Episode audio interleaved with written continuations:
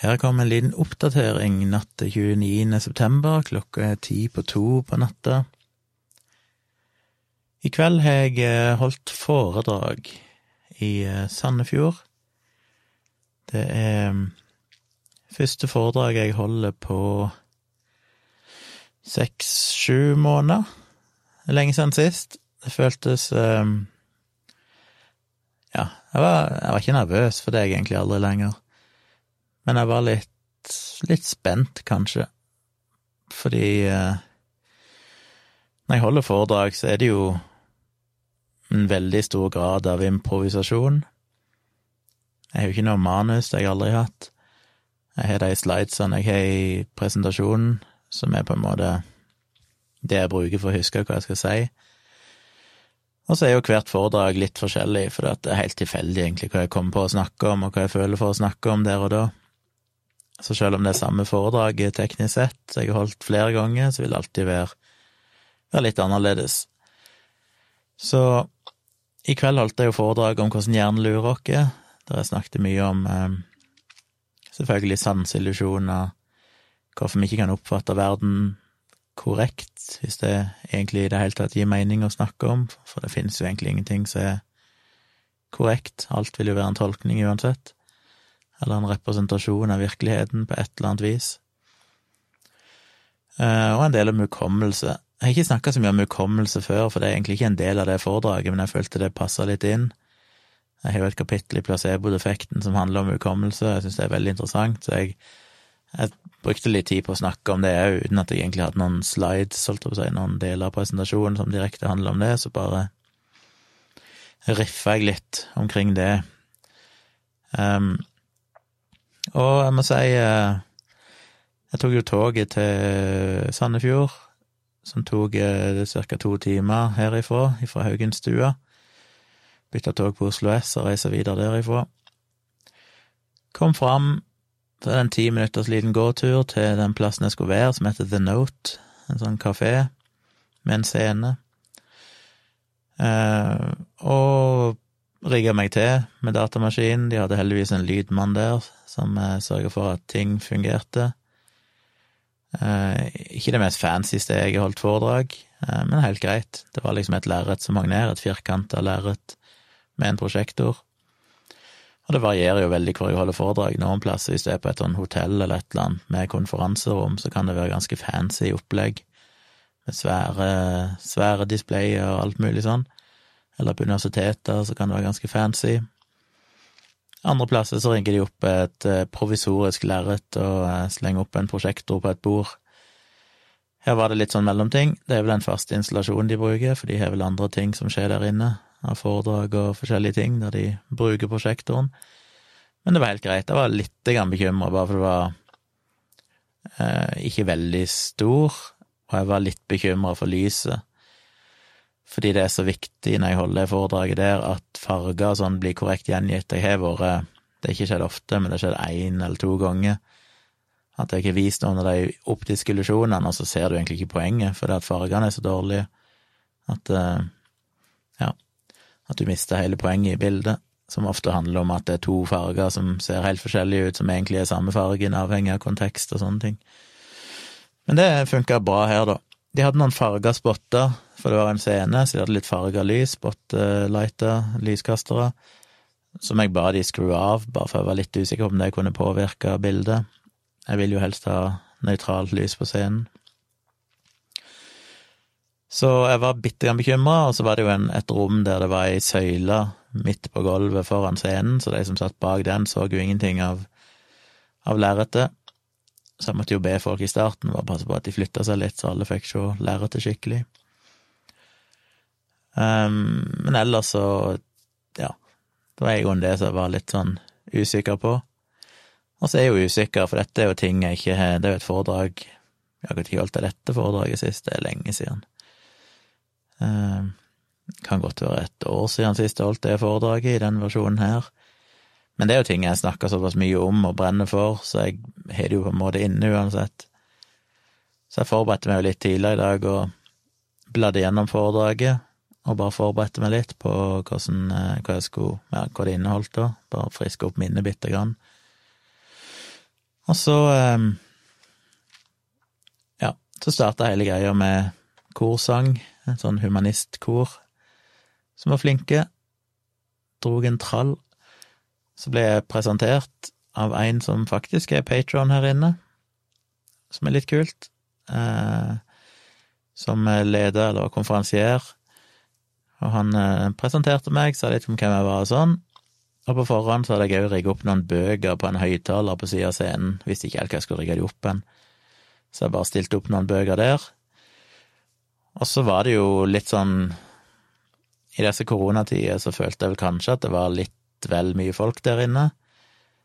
De hadde vel, jeg tror det var full sal, jeg forsto det som at han snakket om at de hadde lov å inn 80, og så var det vel Det var i hvert fall ikke noen ledige plasser, ikke mye iallfall. Så det var basically full sal, og det var jo kult. Det er alltid gøy når du føler at det liksom er fullt der inne. Um, så jeg hadde rigget opp de bøkene, og så starta jeg foredraget. Så merka jeg ganske fort at uh, jeg var på en måte Jeg hadde Hva heter det? Jeg var on a roll, på en måte. Jeg følte jeg kunne jo bare prate og prate. Altså, hvis jeg hadde fått lov, så skulle jeg stått der i fem timer og prate. Det hadde vært null problem. Så problemet er alltid å begrense seg til en time. Men jeg tror jeg holdt tid sånn ganske godt. Det gikk kanskje rett over timen, men jeg var litt usikker på når jeg starta, siden det var en del ting som skjedde før meg, så jeg glemte å se på klokka. Men jeg tror nok jeg holdt på i ca. en time.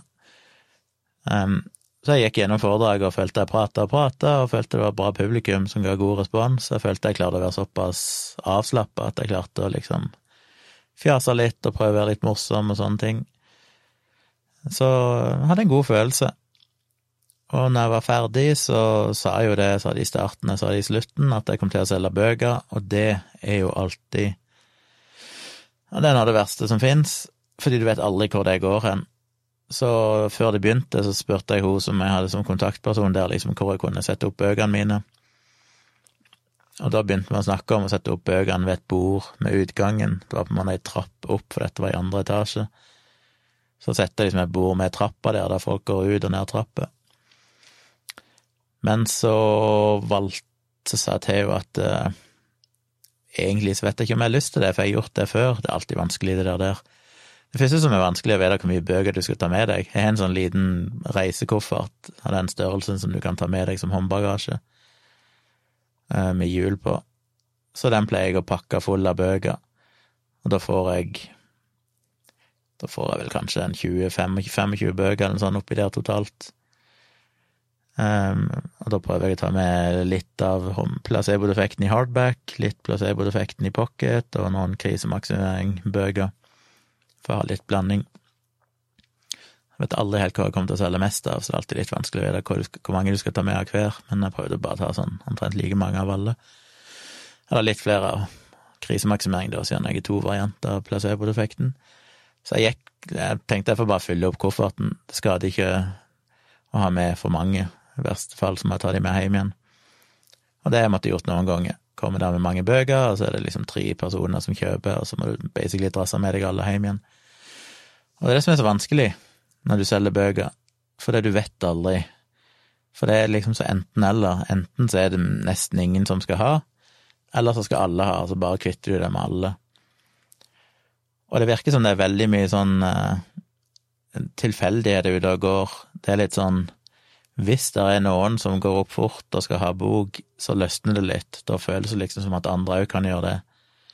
Men jeg tror av og til det kan være litt vanskelig å være den første, så det er liksom å få noen til å bryte isen.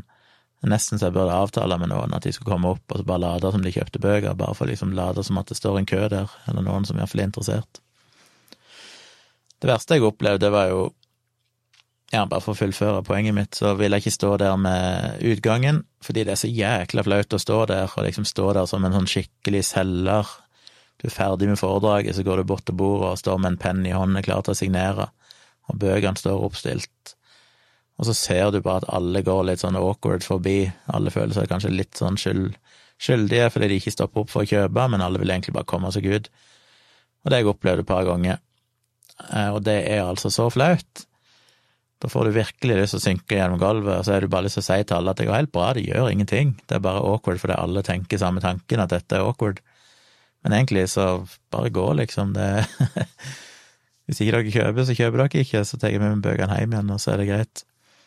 Um, men så er det jo en veldig god følelse den gangen det er lang kø. Og det tar jo litt tid, for hver person skal velge bøker, de skal betale med VIPS for eksempel. Så må de taste inn dette her greiene og få vippsa til riktig nummer, og så må du spørre hva de heter, for du skal signere bøker til dem. Så tar det bitte grann tid å signere boka, så av og til så kan det jo stå kø ganske lenge før du liksom endelig kommer til slutten av køen. Og det er jo både en god følelse, samtidig som jeg alltid selvfølgelig ønsker at det skal gå fortere, men, men det er litt gøy når det blir stående folk ganske lenge bare for å få kjøpt bøkene. Så jeg valgte altså å ikke stå ved utgangen. Jeg sa heller at kan jeg ikke bare rigge opp bøkene, sette de på høyttaleren ved scenen, så kan jeg bare si at folk kan komme opp der. For da er det ikke så flaut, de som vil gå, de går ut i andre enden av rommet og bare forsvinner. Og da står ikke jeg liksom på utstilling og må liksom stå og lide meg gjennom at alle skal passere meg på veien ut. Det er bedre at de går motsatt vei, de som vil kjøpe, og hvis ingen da kjøper, så er det liksom ikke så synlig. Og så er det jo korona sånn, så jeg vil jo helst ikke at folk skal stå i en svær flokk foran meg, så jeg sa jo egentlig det at det var fint om de stilte seg i kø, og tok litt koronahensyn, og stilte seg liksom foran scenen, sånn at de som skulle gå ut, kunne gå ut andre veien uhindra. Uh, og jeg vet ikke om det fungerte helt, det ble jo en slags kø, men jeg gikk jo akkurat der jeg hadde sagt den skulle gå, men det var nå greit nok. Uh, og det hyggelige var at jeg solgte nesten alle bøkene jeg hadde med meg, så det var jo veldig kult, jeg hadde med fire eller fem bøker hjem igjen. Og, det er jeg veldig fornøyd med. Det er veldig gøy. Hva var det jeg skulle si? Jo, det verste opplevelsen jeg har hatt, vet ikke om jeg fortalte om den, jeg tror jeg nevnte det i dialogisk en gang, men jeg ble booka til et foredrag her i Jeg tror det var i fjor en gang. Eh, og folk kan jo booke meg direkte, en del gjør det. Jeg bare kontakter meg, sender meg en mail eller skriver til meg på Messenger og lurer på om jeg kan om de kan booke meg til å holde et foredrag mens andre går via Athenas, som er sånn booking, eh, Norges største sånn eh, foredragsformidlingsbyrå, som jeg har en avtale med. Fordelen med å gå gjennom dem er jo selvfølgelig at de tar seg av alt med å diskutere pris og kontrakter og alt mulig sånn, og jeg får bare egentlig beskjed om at eh, Eller de spør meg jo selvfølgelig om det passer den og den datoen og sånn, hvis jeg sier det er greit, så gjør de resten. Men da tar jo de en prosent oppå der igjen, som ikke jeg ser noe til. Så hvis jeg får x antall tusen, så vet jeg at jeg da har fått noen tusen oppå det igjen, så for kunden blir det jo dyrere enn det jeg kanskje ville tatt sjøl, totalt sett. Eh, men det er én måte å gjøre det på. Jeg har egentlig laga meg min egen kontrakt nå, sånn at eh, det er nesten greier om folk bare kontakter meg direkte, for jeg begynner, det er gått eh, snart ti år, men jeg begynner etter hvert å føle meg sånn noenlunde komfortabel med å si en pris jeg syns det er fælt hver gang å liksom måtte si ja, det koster så og så mye. Men eh, jeg er ganske innforstått med at, jeg, at, det er greit, liksom. Det, kan, det er liksom det jeg må forvente å få. Og det er jo egentlig den verste delen, det er jo bare det akkurat med prisen. Så det var noen som kontakta Athenas i fjor, var det vel, og ville ha en foredragsholder, og jeg ble booka til en sånn elektroforening, eller elektro... Eh, sjappe, eh, bedrift, oppe i Haugesund, som hadde booka meg. Så tenkte jeg ja, det var kult. Jeg skulle holde foredraget som handler om håndbok i krisemaksimering. Og når dagen kom, så reiste jeg jo der, og ble plukket opp på flyplassen av ei dame. Og vi prata på veien og sånn, smalltalka. Det var kanskje en 20, 20 minutters kjøring eller sånt, jeg husker ikke helt halvtime. Og jeg kom inn der, og det var noen andre som holdt noe greier, eller de hadde vel noen sånn interne presentasjoner først, og så var det liksom foredrag, så kom jeg, holdt mitt foredrag, syns jo jeg gjorde en grei jobb, det var ikke noen dårlig fremføring. Jeg hadde stilt opp bøkene mine ved utgangen, og samtlige, og da var det jo sikkert, jeg ikke, var kanskje 50 personer eller sånn ansatte i det firmaet som var der, og samtlige gikk bare forbi og det var altså så vondt å bare stå der. Jeg tror det var én person som kom. Jeg vet ikke engang om han kjøpte, eller om det endte opp med at jeg ga han et par bøker for en som jobba for bedriften. Jeg bare sa liksom ja, kan dere få et par bøker? Jeg husker ikke. Men basically var det ingen som kjøpte. Og så pakka jeg sammen og liksom takka for meg, og hun en dame kjørte meg tilbake igjen. Jeg var ganske sliten, for jeg hadde stått opp grytidlig om morgenen for å ta fly til Haugesund. Eh, holde foredraget, som tar ganske mye på. Det er liksom en time, men jeg blir ganske utmatta etterpå, for du står og er veldig fokusert og prater kontinuerlig hele tida. Og så kjørte vi tilbake igjen, og hun sa ikke så mye. Og da sa ikke jeg heller så mye. Men eh, det var en hyggelig avskjed. Jeg takka for invitasjonen og alt det vanlige, og tok flyet hjem igjen. Så gikk det noen dager, og så ble jeg kontakta av Atenas, for de har sender gjerne ut en sånn liten sånn kundetilfredshetsundersøkelse eh, i etterkant av foredragene, som jeg tror de fleste aldri returnerer. Men de hadde returnert, og vært litt misfornøyd med foredraget. Fordi i fjor hadde de hatt en fyr fra Athena som de hadde vært så strålende fornøyd med, altså året før meg, da, på samme arrangementet, et slags sånn årsmøte, eller hva det var de hadde for noe. Og han var de så fornøyd med, og så når de hadde fått meg, så tror jeg ikke de syntes det var så veldig stas. Og det var Det er jo ikke noe gøy å høre i det hele tatt, og det var litt rart, for det Jeg har stort sett fått gode tilbakemeldinger. Jeg har jo blitt booka veldig mye, jeg har jo holdt en 130-140 foredrag, og jeg har fått stadig tilbakemeldinger på folk som har sagt at dette er det beste foredraget jeg noensinne har hørt, og noen har gått så langt som å si at det forandrer livet deres for de fikk et helt annet syn på verden. Altså, jeg har fått mye positive tilbakemeldinger. Han ble litt sånn overraska over at, eh, at de rett og slett var misfornøyd. Den eneste gang jeg noen gang har hørt det. Og så måtte jeg google navnet på han fyren jeg hadde hatt i fjor, og så jo da at inn på hans presentasjonsside hos Athenas, så så jeg at han var jo en sånn livsstilscoach, sånn livsmestring, eh, inspirasjonscoach, som er omtrent det motsatte av det jeg er. Jeg mener, mitt mål er jo praktisk talt gjøre folk ekstremt skeptiske til seg sjøl og tvilende til alt de ser og opplever, kritiske til media. Eh, jeg prøver jo å gjøre det underholdende og morsomt, men det er jo ikke et sånt foredrag som sier 'du er fantastisk', 'du er tru på deg sjøl'. Det er jo det motsatte, det er jo liksom tvil på deg sjøl. Vi er ikke så veldig spesielle, vi er alle slaver av våre egne kognitive svakheter, og vi er nødt til å være ydmyke overfor våre egne tanker og følelser og hukommelse og sanseinntrykk. Um, og ja, så da skjønte jeg på en måte at de helt åpenbart ikke hadde fått det de hadde forventa å få. Og det som slo meg, var jo at dette var vel det eneste foredraget i min karriere som foredragsholder der noen har booka meg uten å egentlig vite hvem jeg var. For jeg mener, når jeg blir booka, så er det jo fordi folk vet hva jeg driver med, de har lest bloggen, de har sett bøkene, de har hørt meg i podkast, et eller annet, de vet på en måte hvem jeg er og hva jeg står for, og så booker de meg av den grunn, fordi de syns det budskapet jeg har, er interessant. Men her var det noen som hadde bare tatt kontakt med Athenas og ønska en foredragsholder, og kanskje sett et eller annet på sida mi at det sto noe om. De har kanskje tenkt at ja, det så interessant ut, og så har de booka meg. Og så har de ikke hatt peiling på hvem jeg er. Og det husker jeg jeg stussa litt på når jeg kjørte i, i bilen med henne fra flyplassen. Så tenkte jeg at hun visste vel litt om meg, men hun visste jo ingenting om meg. Og da tenkte jeg bare ja, ja, kanskje det er ikke hun som har vært ansvarlig for å booke meg og sånn, men Så det var noen som booka meg helt uten å ane hvem jeg var, og forventa å få en sånn klisjéfyr. Og det er kanskje det Det er altså Det er nesten så jeg får lyst til å ikke holde foredrag bare tanken på hvor stor del av foredragsbransjen som er drevet av sånne livsstils-, motivasjonscoach, eh, rasshøl, som er altså det største pisset jeg kan tenke meg. Jeg ble jo, jeg var med én gang på Athena, så hadde de har sånn samlinger jevnlig, så jeg alltid ble invitert til før. Jeg vet ikke om de bare slutter å invitere meg, for jeg gidder jo aldri å gå. Men en gang gikk jeg på det, der de liksom inviterer foredragsholderne sine til å ha sånn sosial kveld, og der de kanskje et par av de holder foredrag for å presentere sine foredrag for de andre og sånn. Og en gang var jeg med på det. Uh, og da var det meg, og så var det en annen dude, og han andre duden var jo av den typen, en sånn klassisk sånn superjovial, tro på dere sjøl, verden er fantastisk type.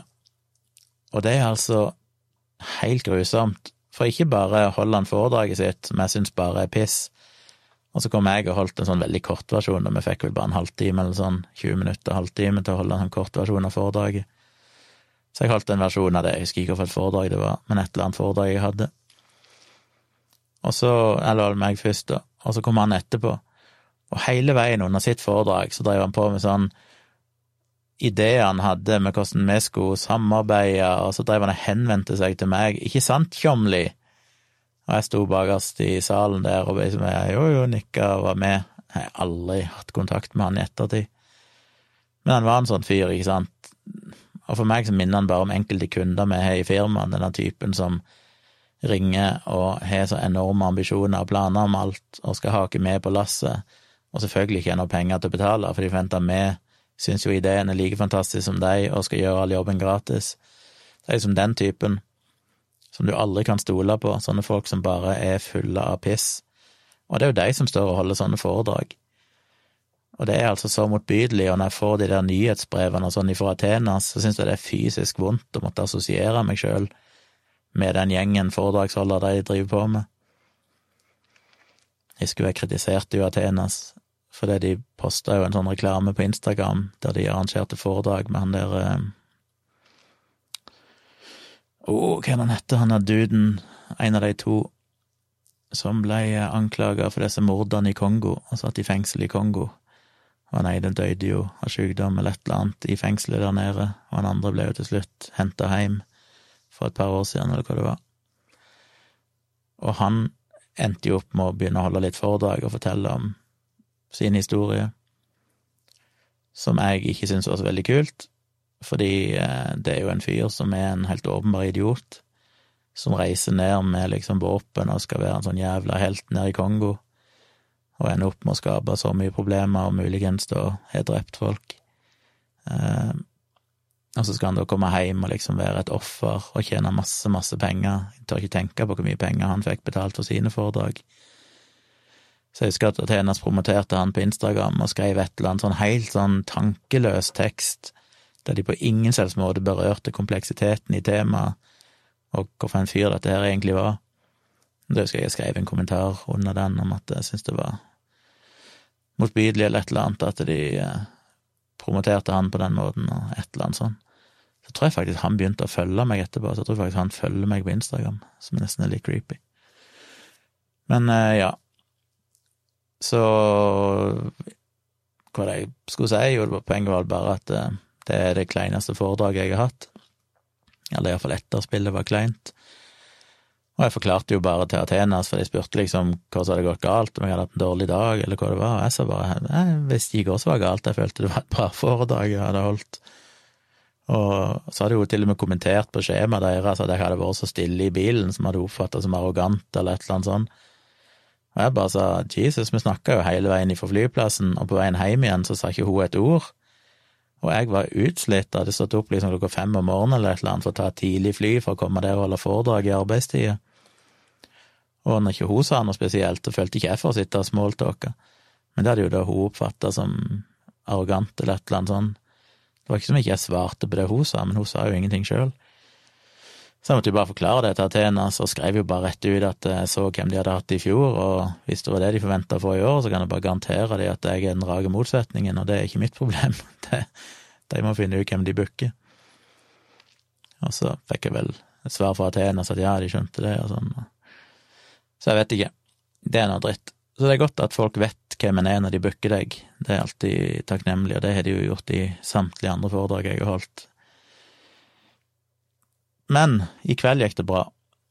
Publikum visste hvem de fikk. Eh, jeg solgte de fleste bøkene, og det var en allround eh, god opplevelse og god følelse, for det er jo noe av det gøyeste jeg vet, det er jo å stå og holde sånne foredrag og snakke om ting som jeg brenner for. Prøve å formidle det på en måte som går inn hos folk.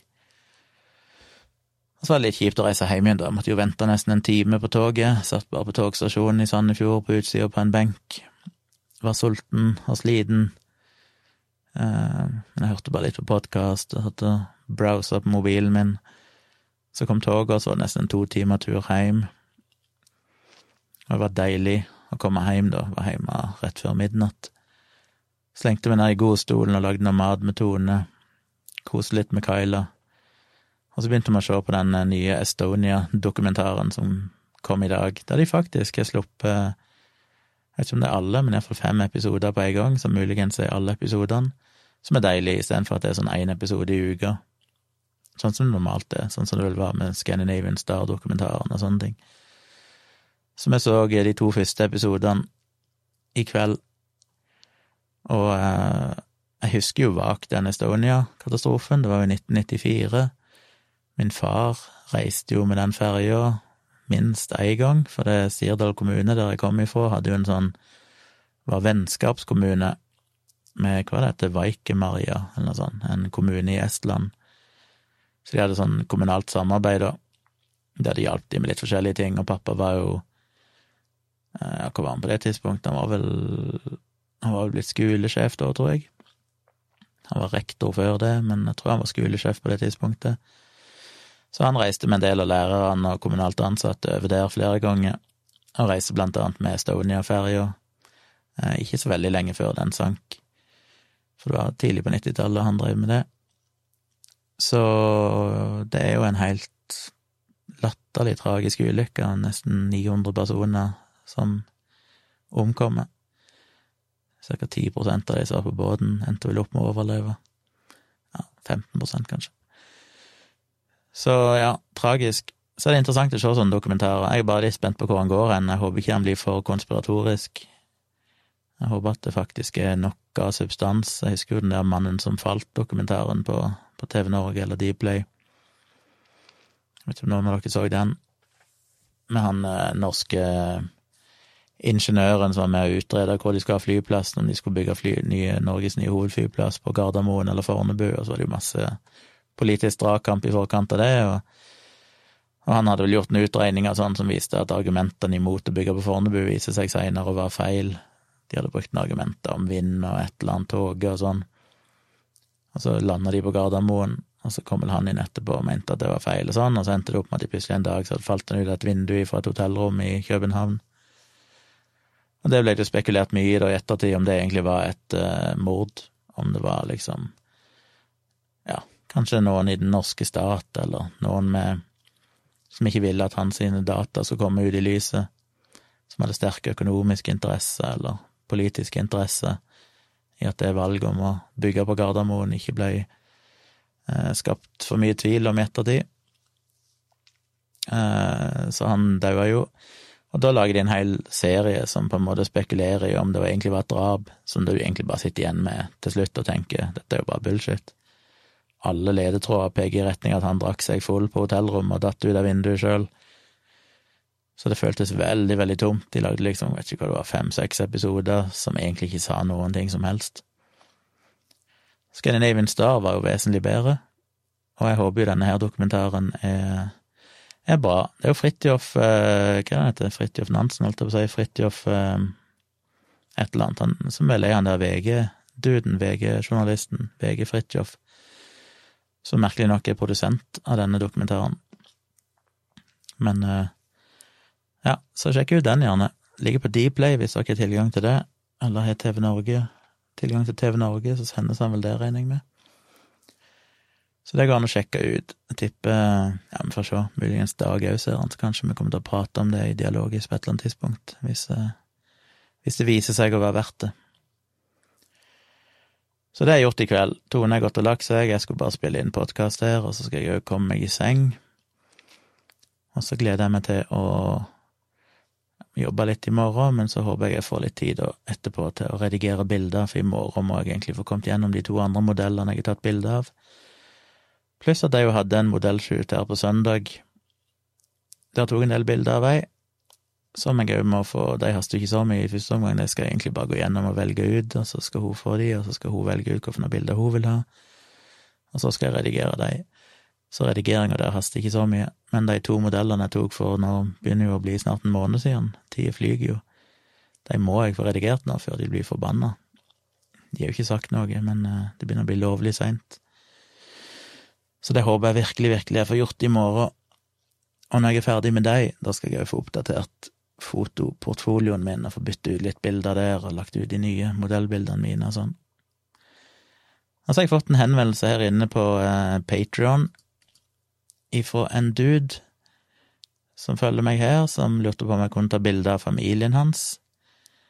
Han har Hva er han er? Han har fire unger ifra alderen sju til 25 som han vil ha et bilde av. Eh, så det gjør jeg.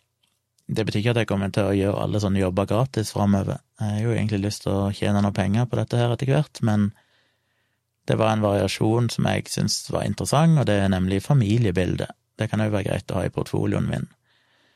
Så, eh, gjennom siden er Patrion, så, eller Patron, så strekker jeg meg jo litt lenger. Så det skal jeg få gjort. Eh, har satt en dato. Prøve. Hvis været er bra, så skal vi prøve å til det. Det er litt scary. Jeg har ikke gjort det jo, jeg har gjort det litt før. Jeg var jo i denne her bursdagen til bestemora Tone, og da tok jeg litt gruppebilder og bilder av folk. Men det er første gang jeg tar sånn formelt sett familiebilder. Men det blir jo utendørs og med naturlig lys og sånn, det blir ikke noe sånn studiobilder. Så jeg tror jeg kan bli interessant, så det blir enda flere bilder å redigere, selv om da regner jeg ikke med jeg trenger å levere liksom 40-50 bilder, sånn som jeg har gjort til disse modellene.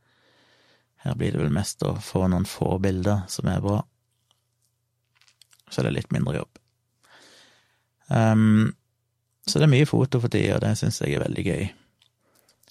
Så blir det jo nytt foredrag i Larvik den 28., eller er det det? 28. Nei, 29. 29. november. Skal holde et nytt foredrag, arrangert av Human-Etisk Forbund der. Og da eh, blir det et litt annet foredrag. Da blir det dette om kritisk tenking, som, allerede, som jeg livestreama her inne på, på Patrion, så det har dere jo kanskje allerede sett. Men om noen skulle bo i Larvik og har lyst til å se deg live, eller bare lyst til å dukke opp for å si hei, eller et eller annet sånt, så er jo det mulig den 29. november. Og det er da Jesus, skal få opp den til januar nå, kalenderen min.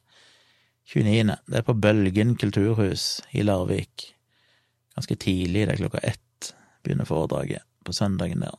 Det er første søndag i advent, faktisk. Um, og en siste ting er at det foredraget jeg holdt i kveld, det ble jo filma. Og jeg har sagt at jeg skal ha en kopi av den. Og når jeg får den, så hvis det er grei kvalitet, så tenkte jeg å legge den ut her inne på Patron til dere, så kan dere jo se foredraget jeg holdt i kveld, som kanskje er interessant for noen av dere. Så forhåpentligvis om ikke så veldig lenge, så skal jeg få lagt ut hele foredraget på Patron, så dere kan sjekke ut det. Men det neste foredraget i Larvik, altså, det blir et litt annet foredrag enn det jeg holdt i kveld, men det ligger jo på én måte allerede her inne, selv om jeg, som jeg sa, alle foredragene mine er jo litt forskjellige, for det er mye improvisasjon. Jeg snakker bare om det jeg kommer på i øyeblikket, og det kan være alt mulig rart av og til. Så det var oppdatering. En eh, alt i alt grei kveld. Eh, det er kjekt å selge. Jeg solgte jo som sagt en del bøker, da endte jeg Tjente vel en 4000-4500 kroner på boksalg. Eh, og det er en grei ekstrainntekt fordi jeg har jo kjøpt inn alle disse bøkene, så jeg har jo allerede lagt det ut fordi jeg har kjøpt inn kassevis av bøker fra forlagene, sånn at jeg kan selge de sjøl. Eh, og det tar jo litt tid å få tilbake igjen de pengene, for jeg selger jo noen sånn av og til via nettsida mi og sånn. Eh, men det er ikke så mye lenger. I perioder har det vært en del. Det var da jeg måtte kjøpe denne label-printeren min, pakkelapp-printeren og sånne ting. Da gikk det ganske mye. Men i det siste har det vært lite, så det tar litt tid å bli kvitt de bøkene igjen. Men i kveld fikk jeg jo solgt en hel koffert av de, så det, det hjalp jo litt, og en kjærkommen liten ekstrainntekt. Så ja, vet ikke hvorfor jeg sa det, men det var nå sånn det var. Da eh, høres vi igjen i morgen kveld, får vi se om jeg har fått redigert noen bilder, og kanskje lagt ut noen nye bilder, så skal jeg dele dem med dere. Um, men takk for at dere hører på, takk for at dere støtter meg som vanlig, og så høres vi igjen i morgen.